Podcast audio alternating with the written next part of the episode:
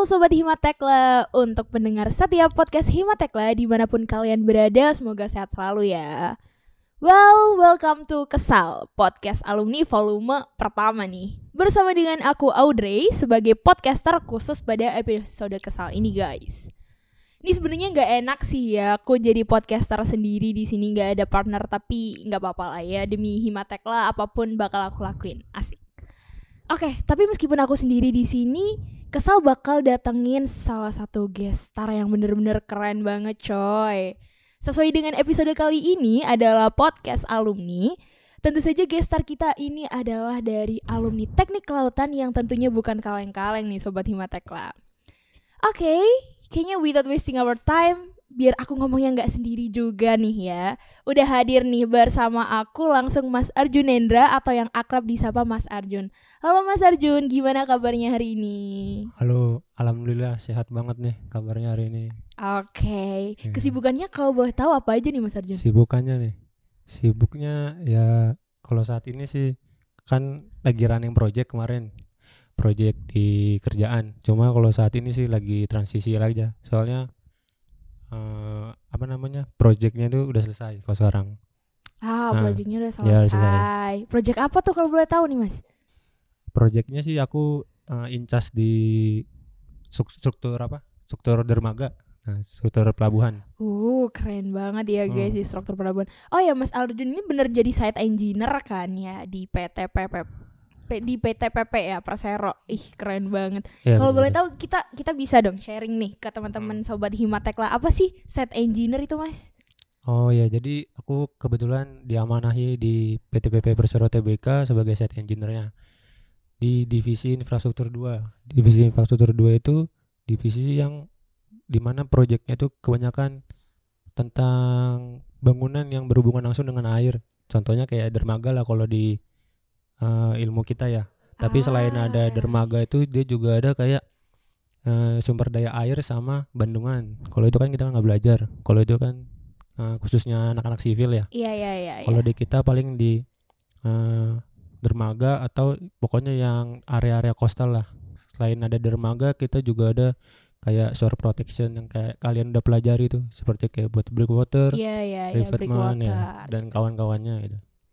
Jadi site Ah. engineer sebenarnya bertanggung jawab atas Nah. apanya sih Mas? Jadi kalau site engineer nih istilahnya kalau yang anak-anak suka olahraga ya kalau main bola itu bisa disebutnya itu kayak playmaker di proyek lah. Ah, Nah, ya. playmakernya nih ya guys. jadi playmakernya tapi intinya tetap eh, apa ya pengambilan keputusan eh, akhirnya tuh di manajernya cuma kita sebagai site engineer nih yang di mana dibawahi oleh langsung dari site engineer manager kita harus mengontrol proyek tersebut di mana proyeknya itu harus sam- eh, sesuai milestone yang sudah ditentukan milestone tuh kayak eh, checkpoint lah jadi misalnya Ah, sampai iya, iya. tanggal segini harus udah jadi apa tanggal segini udah jadi apa Kayak timeline gitu ya ya. kayak Mas? timeline ya bener-bener timeline terus nanti di akhir ada di uh, final milestone-nya itu akhirnya proyeknya tuh selesai di tanggal berapa tahun kapan bulan apa gitu nah selain mengontrol proyeknya selesai tepat waktu site engineer itu juga mengontrol gimana ya uh, kondisi lapangan tuh harus berjalan optimal kalau bisa efisien jangan sampai efektif doang Jadi selalu di set gitu ya, Ya, selalu di fieldnya gitu ya Mas ya. ya harus standby lah 24 jam kalau bisa tapi kan kadang kita juga manusia ya Iya iya benar benar benar benar. Ya. Kalau orang mah mintanya 24 jam gitu. Nah, jadi kayak sisi lainnya tuh kita juga uh, ada uh, apa ya namanya? nyentuh ke procurement. Kita ada Oke, juga sedikit tentang procurement. karena kita tuh harus meng- apa paham ke pengadaan juga. Karena di setiap proyek tuh kita nggak bisa ngedatengin semua kebutuhan langsung dalam satu waktu dan satu tempat Iya iya. Karena iya. keterbatasan tempat itu pasti ada di setiap proyek kan. Nah di situ kita harus tahu ngehandle-nya kapan kita harus datengin ini ini ini ini. Nah itu kita yang bertanggung jawab. Ya selain itu kalau set engineer tuh kita juga eh, ada sedikit tentang scheduling, tapi itu kan tetap awalnya kita mengacu dari eh, tim tender yang sudah menentukan schedule. Oke. Cuma pada kenyataannya realisasinya itu tuh sering nggak apa ya kurang pas lah sering ada yang miss ada yang harus dikoreksi.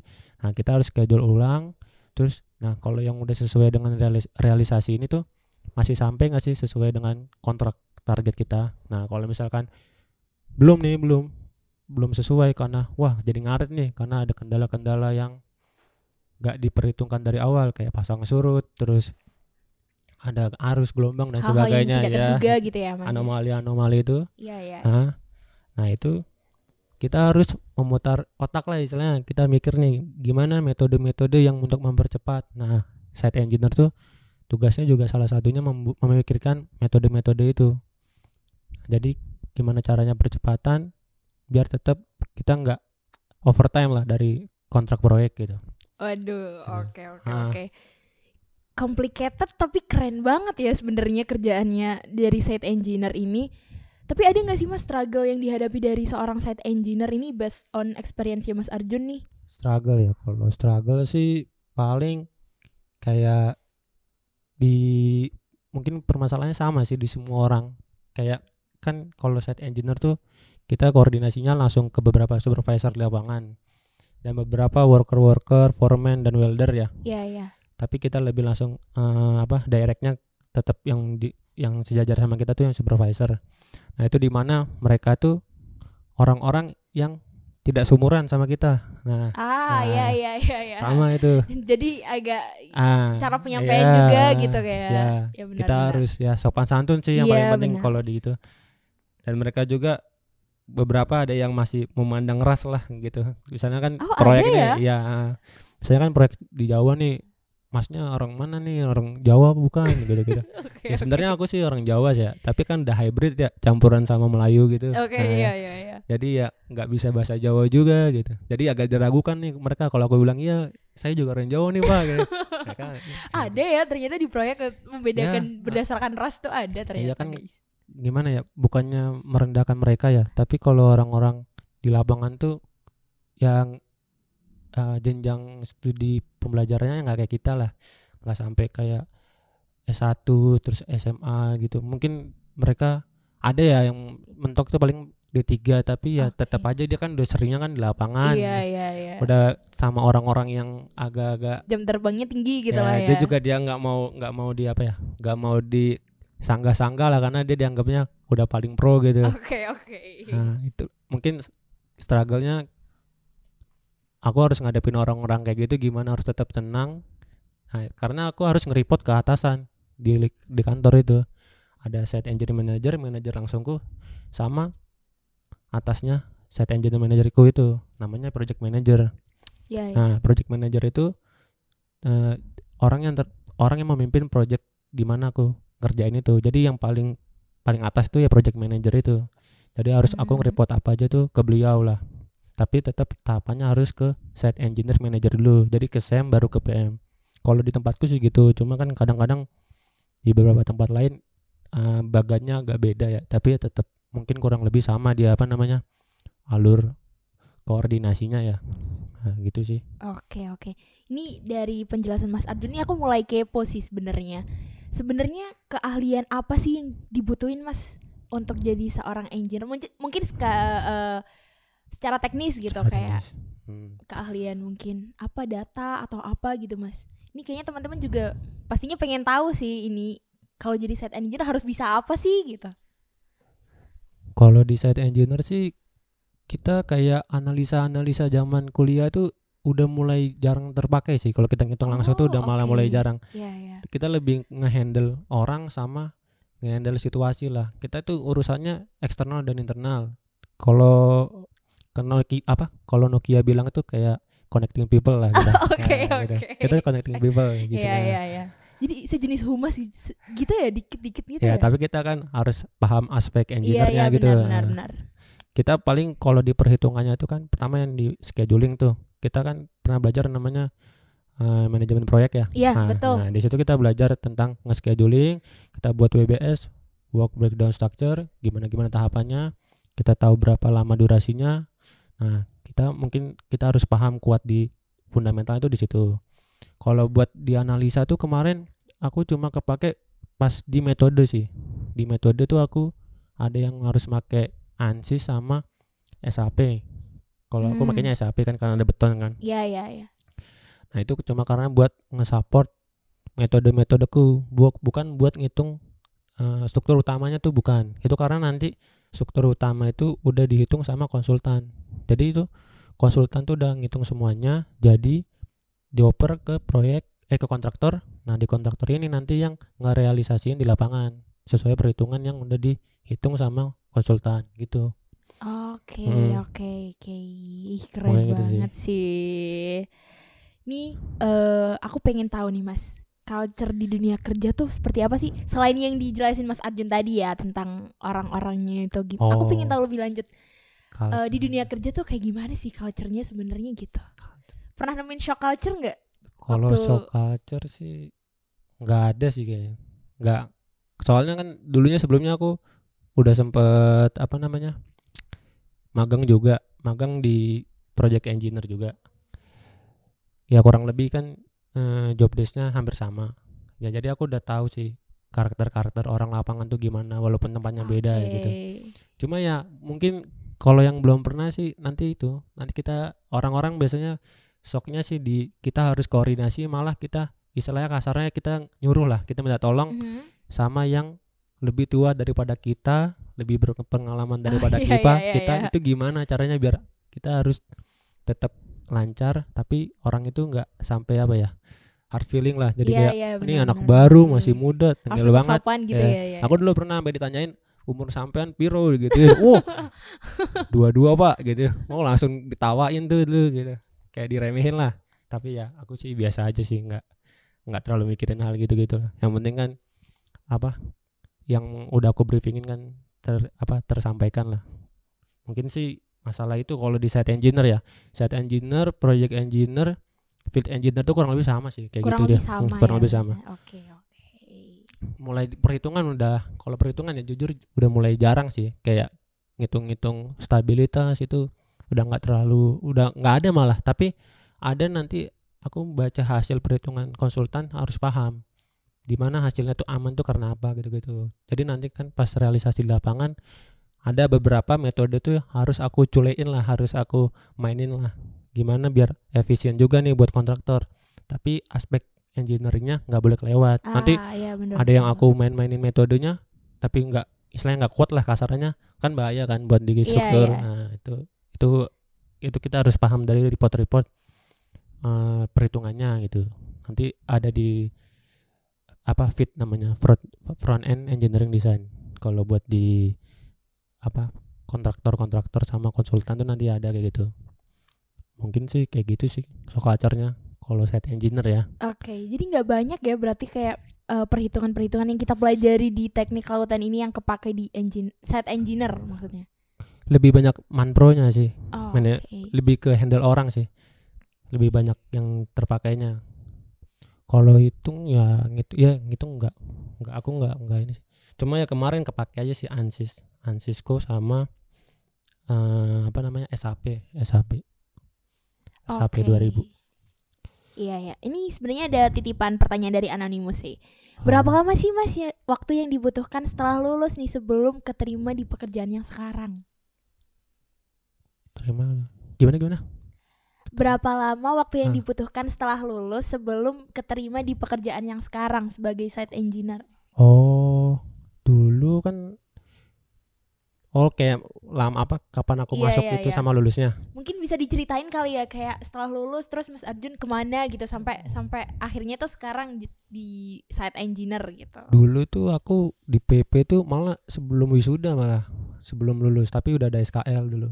Emang KP di situ atau gimana Mas? KP ku nggak KP ku di Batam. Cuma waktu itu ada dapet rekrutmen ya daftar aja. Hmm. Cuma Aduh keren banget. kan ada nih kalau waktu itu as- aslinya tuh aku rombonganku tuh sama anak tiga setengah tahun lulusnya Oke, harusnya. ya. Cuma pas yang di sidang terakhir aku nggak ikutan sama anak-anak tuh.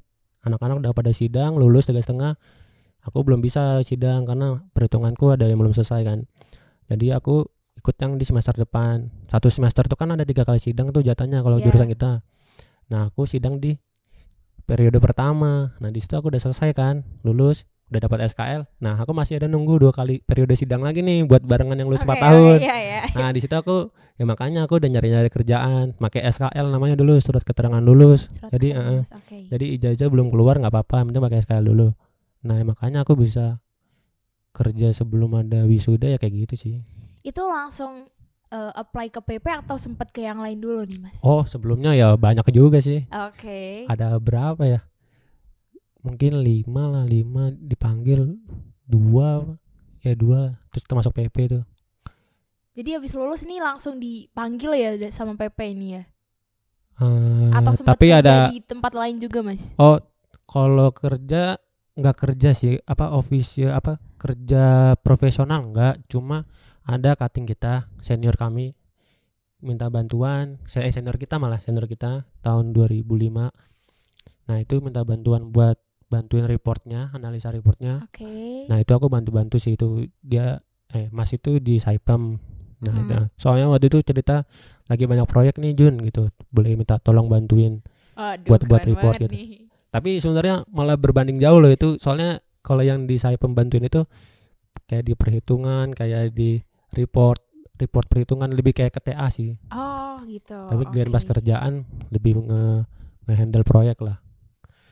Kalau di kerjaan ini dia unitnya namanya PMT lah, Project Management Team. Kalau Project ya, Management Team. nanti kalian bisa paham sendiri project management project management team itu kayak gimana sih job desknya tuh Oke, ih keren banget sih penjelasan Mas Arjun.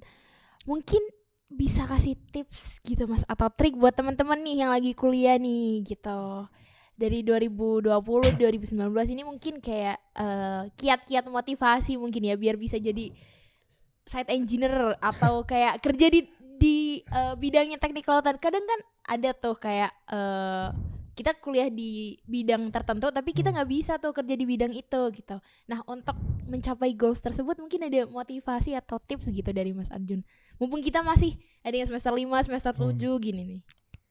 kalau dari aku sih gimana ya pesan-pesannya ya kalau menurutku kalian ya tetap di semua matkul serius aja lah jangan terlalu fokus terhadap satu hal tapi emang nanti kan kalau pas di akhir kan kita harus ada peminatan nih Iya, iya betul anak-anak biasa ada yang pipa ada yang struktur pantai gitu tapi kalau kalian kayak gitu jangan sampai lupain yang materi lain gitu soalnya dulu aku tuh fokusnya tuh tentang offshore structure terus nggak pernah aku Oke, kepikiran berarti- coastal tuh nggak ada eh, Mas Arjun nih structure ya dari iya awal. dari Oke. awal dari kuliah terus ikut lomba lombanya juga yang udah offshore kan cuma ya rezekinya kan di coastal ya Iya ya, dari, Iya. dari struktur terus ke coastal Iya, ya jadi engineer. Oke, oke, oke.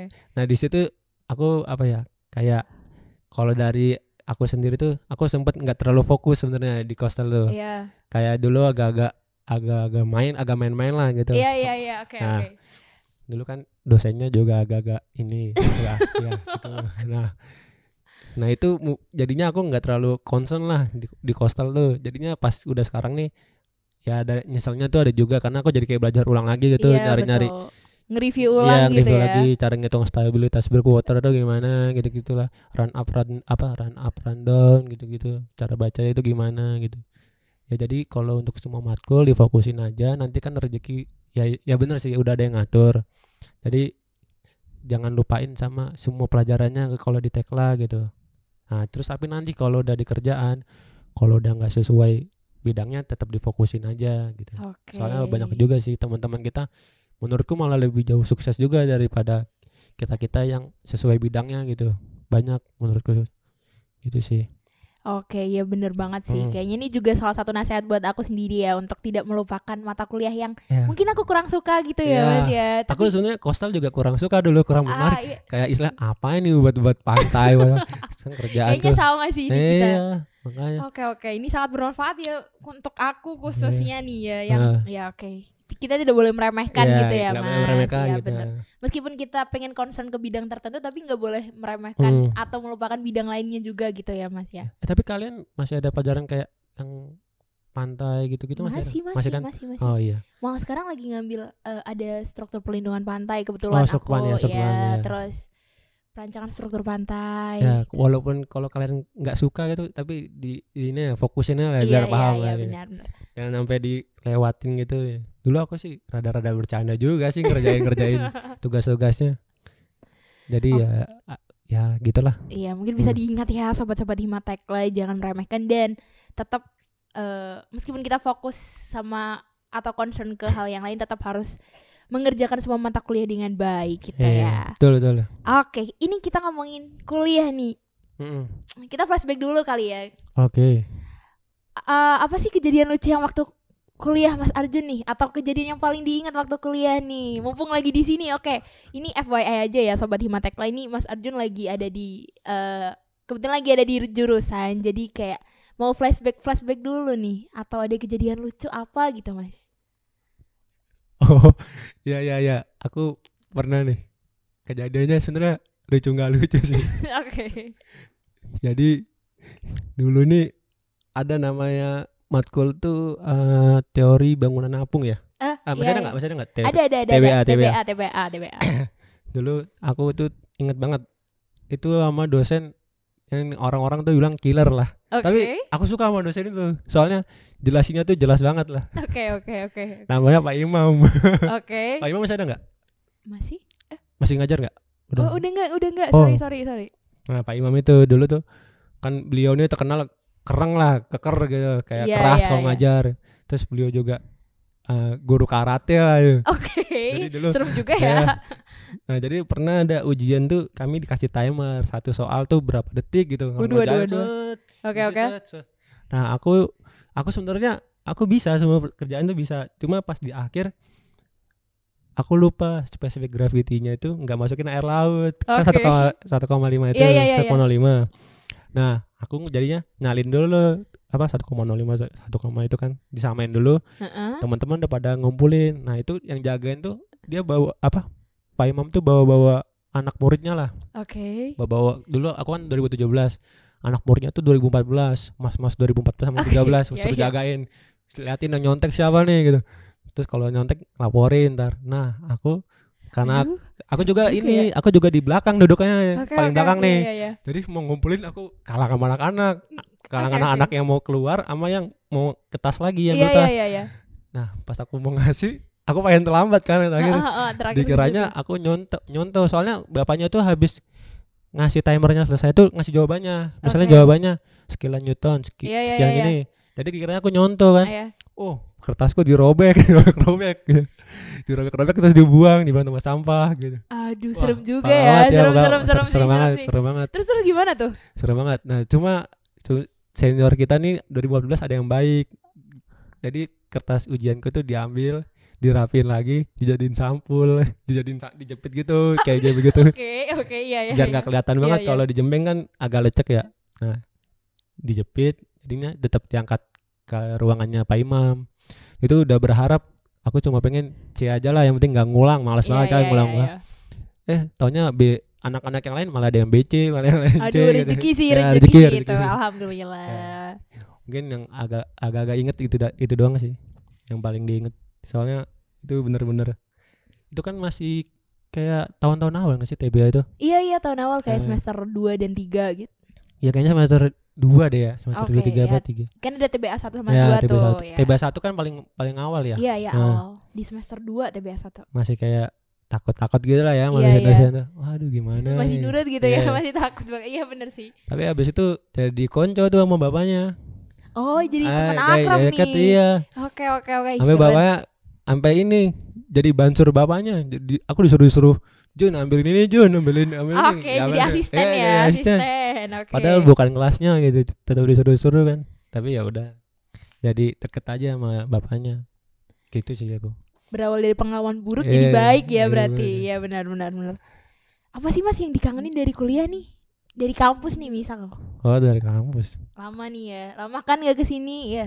udah lama banget dulu aku kan dua tahun terakhir kena covid tuh Oh. jadi oke. langsung pada apa jadi lockdown lockdown Iya kan. iya iya benar benar wisuda aku aja ini apa namanya online, kan. Online ya, Iya. online. sebenarnya yang aku pengenin sih kangenin malah yang di luar pelajaran sih kayak supporteran Oh, supporteran. Iya, Enggak arak apa-apa. apa sih arakan yang- yang jaga dikangenin? jaga bendera Oke, gitu iya sih. Terus, Eh, ada ribut-ribut tipis pas jaga bendera Oke, itu oke, iya iya benar benar benar. mungkin kalau aku sih yang agak-agak nggak baik sih sebenarnya ini bukan contoh buat adik-adik ya ini sebenarnya bukan buat contoh 2020 Iya iya iya 2021 benar.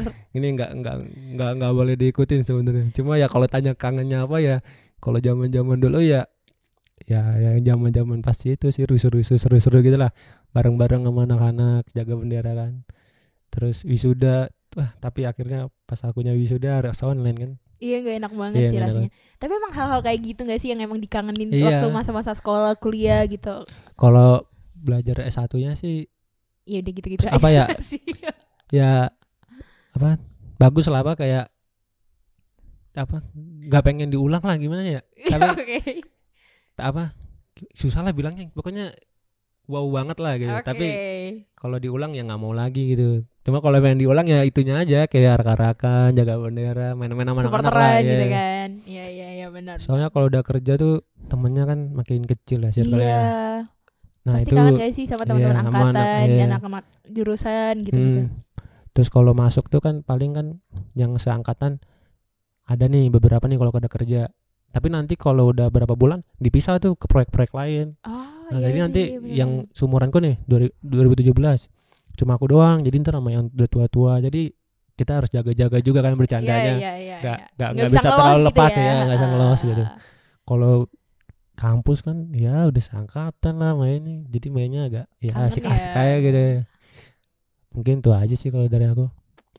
Oke, kayaknya bahasan tadi bakalan mengakhiri episode pertama Oh, kita sih dari Eh. Kesal Volume 1 ini. Hmm. Sebelumnya aku ngucapin terima kasih banyak buat Ya. Mas Arjun yang udah menyempat menyempatkan waktunya loh di tengah-tengah kesibukan. Keren banget Ya. buat datang dan ngobrol-ngobrol sama kita. Mana obrolnya isinya insightful banget sih. Oke, mungkin eh, ada kata-kata singkat Mas sebelum menutup podcast ini untuk teman-teman pesan-pesan untuk sobat Himatek lah pendengar podcast ini, Mas. Eh, pesan dari aku sih cuma tetap jaga sopan santunnya, jangan lupa selalu menghormati kedua orang tua, Oke. serta bertakwa dan beriman kepada kepercayaan masing-masing. Oke, mungkin siap, aku- siap, siap. Ya. Soalnya itu kunci di kerjaan kalau kita nggak iman dengan keimanan kita sendiri, ntar bakal goyang kita di kerjaan. Oke. Banyak hal-hal tidak baik. Iya, iya, itu harus di note ya Iya. teman-teman. Ini pasti insightful banget. Oke guys, kalau gitu berakhirlah sudah podcast volume Kesal volume 1 ini dan jangan lupa untuk terus stay tune di IG Himatekla untuk info episode podcast Kesal selanjutnya dan tentunya info in mengenai kegiatan di teknik lautan. Dan juga jangan lupa untuk follow kita di Spotify Himatekla FTK ITS. Oke, untuk itu aku Audrey bersama Mas Arjun pamit undur diri dan sampai jumpa di episode Kesal selanjutnya. See you.